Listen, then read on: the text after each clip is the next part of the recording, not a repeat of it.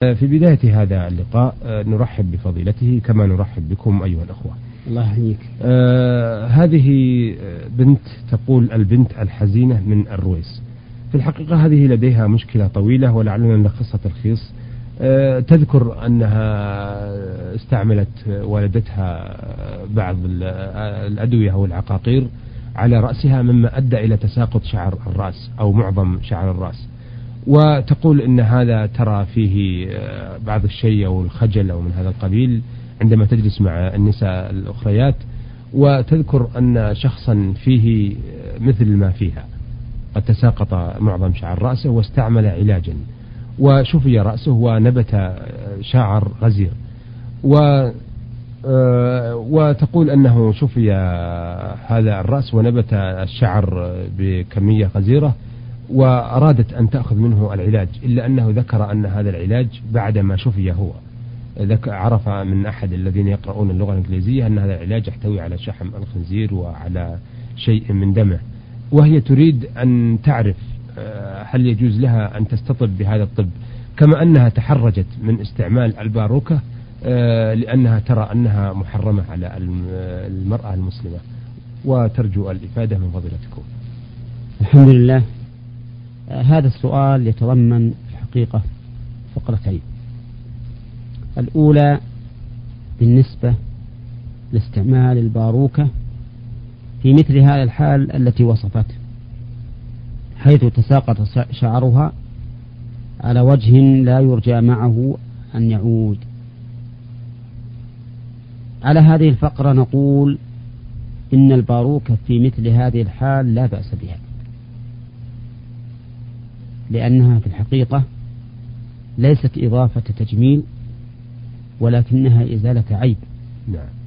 وعلى هذا فلا تكون من باب الوصل الذي لعن النبي صلى الله عليه وسلم فاعله.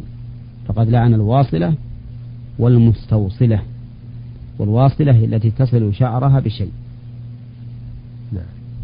لكن هذه المرأة الحقيقة لا تشبه الواصلة لأنها لا تريد أن تضيف تجميلا أو زيادة إلى شعرها الذي خلقه الله تبارك وتعالى لها وإنما تريد أن تزيل عيبا حدث نعم.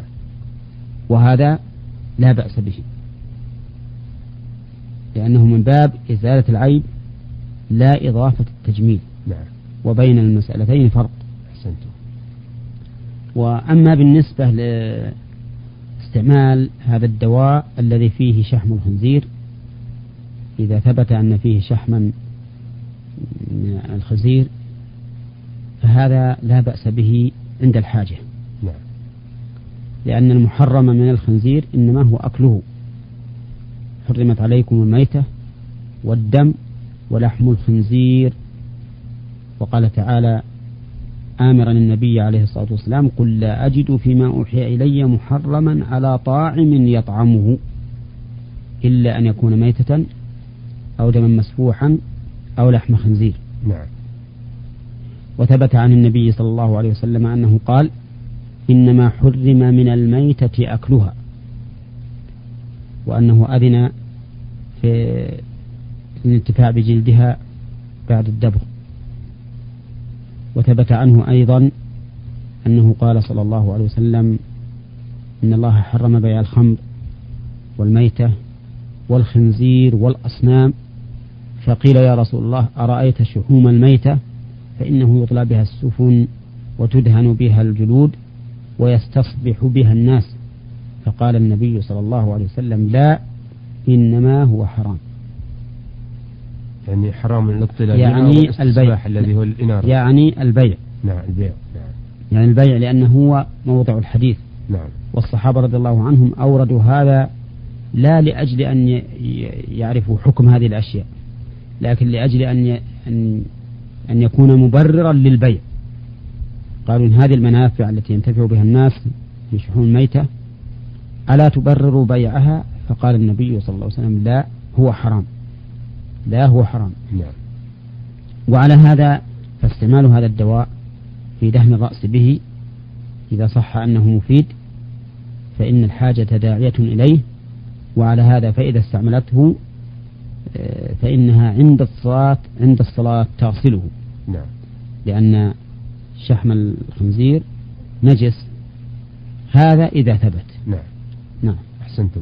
إذا نقول التي رمزت إلى نفسها بالبنت الحزينة أنها إن شاء الله تعالى البنت السعيدة من الرويس لأنها تسعد إن شاء الله بسماحة الإسلام ويسره وأن لها أن تستعمل الباروكة لأنها ليست من التي تريد أن تزود شعرها ولها أن تستعمل العلاج وإنما تغسله عند أداء الصلاة. نعم. أحسنتم. آه هذه رسالة من المقدم المواطن عبد الله بن محمد الحكيبي من القويعية الأحوال المدنية. آه هذا يقول آه أنه لقد حج في عام 98 من القويعية مع صاحب سيارة ولكن صاحب السيارة كان جاهلا في مشاعر الحج من حيث الطرق ومع الأسف الشديد أننا نزلنا أيام منى الثلاثة في الحوض بمكة وبتنا ليالي منى في هذا المكان وذبحنا هدينا. فهل علينا في ذلك شيء؟ علما أنه لم يتيسر لنا الوصول إلى منى. أرجو عرض هذه المشكلة على أحد أصحاب الفضيلة آه، فما يجب علينا من الكفارة وهل تسقط عنا؟ هذا والله أسأل أن يوفق الجميع لما فيه الخير والسعادة والتوفيق. أما ذبحهم الهدي هناك فلا بأس به فإنه يجوز الذبح في منى ويجوز الذبح في مكة ويجوز الذبح في جميع مناطق الحرم. وأما بالنسبة لمكثهم الأيام الثلاثة في هذا المكان فإن كان الأمر كما وصف لم يتمكنوا من الوصول إلى منى فليس عليهم في ذلك شيء. وإن كانوا مفرطين ولم يبحثوا ولم يستقصوا في هذا الأمر فقد أخطأوا خطأ عظيما. والواجب على المسلم أن يحتاط لدينه وأن يبحث حتى يتحقق العجز. فإذا تحقق العجز العجز فإن الله سبحانه وتعالى لا يكلف نفسا إلا وسعها. وقد قال أهل العلم استنادا إلى هذه الآية الكريمة إنه لا واجب مع العجز. نعم. نعم. أحسنتم. هذه رسالة وردت من المرسل مرشد فازع. لحظة. تفضل. أعتقد أن, أن السائل فهم الآن أنه ليس عليهم شيء ليس نعم. عليهم كفارة نعم. وإنما عليهم أن يحتاطوا في المستقبل. إن شاء الله تعالى. شكرا لكم. هذا المرسل مرشد فازع آه، في الجمهورية العربية اليمنية ومقيم في الرياض البطحة يقول دكان خياط العروبة عبد الله آه، أحمد يحيى. آه، عند الأخ سؤالان. يقول في الأول أنه رقد في المستشفى وكان لا يستطيع أن يقوم لخدمة نفسه فطلب من جماعته أن يبقى منهم واحد عنده إلا أنهم اعتذروا عن ذلك وقال أن الذي يجلس عندي أو نذر أن الذي يجلس عنده أن يعطيه مئة ريال. وبعد ذلك عندما أراد أن يعطي الذي جلس مئة ريال أبى أن يأخذ هذه المئة. يقول ما الذي يجب عليه الآن؟ لا يجب عليه شيء لأن هذا الرجل وفى بما نذر فقد حصل منه البذل ولكن صاحبه لم يقبل. وعلى هذا فإن نذره قد بر به.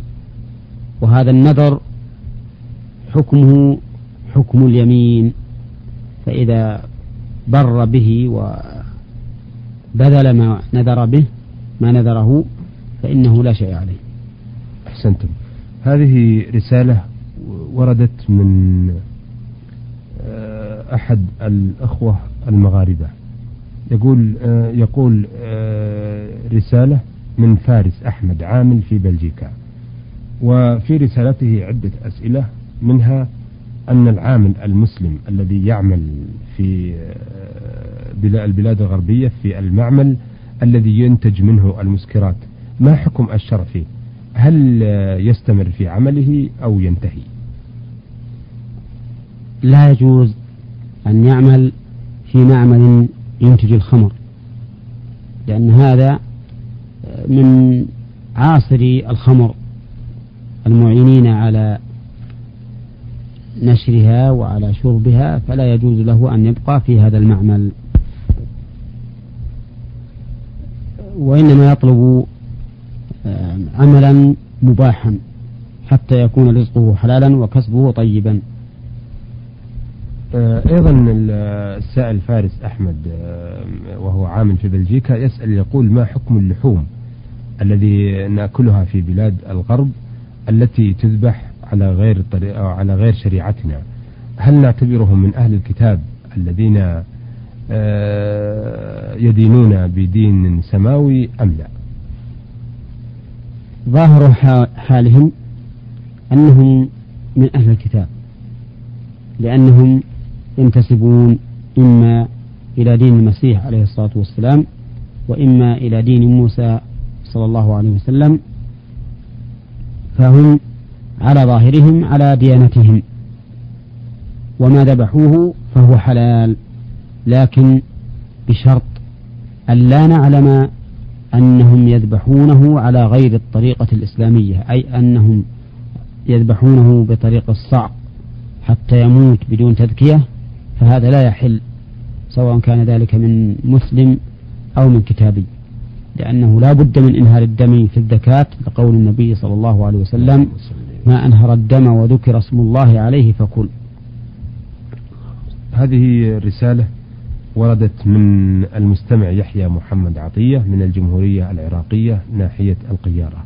في الحقيقة هذه الرسالة اشتملت على عدة أسئلة ولا نستطيع أن نأتي بها في حلقة لأنها ستستغرق أكثر من حلقة لو خصصناها لها لأنها اشتملت على ست أو ستة وعشرين سؤالا. لكن لنأخذ في هذه الحلقة ما يتيسر.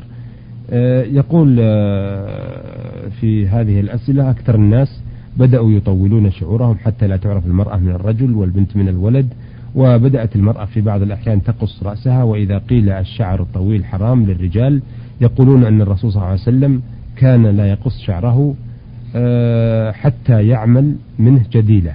فهل هذا صحيح؟ وهل تطويل الشعر, الشعر حرام؟ وقص المرأة لرأسها حرام؟ أفيدونا وفقكم الله. هذا السؤال يتضمن آه، مسألتين. الأولى بالنسبة لتطويل الرجال لشعورهم والثانية بالنسبة لتقصير المرأة من رأسها. نعم. أما الأول فالأصل أن إطالة شعر الرأس لا بأس به. فقد كان النبي صلى الله عليه وسلم له شعر يضرب أحيانا إلى منكبيه.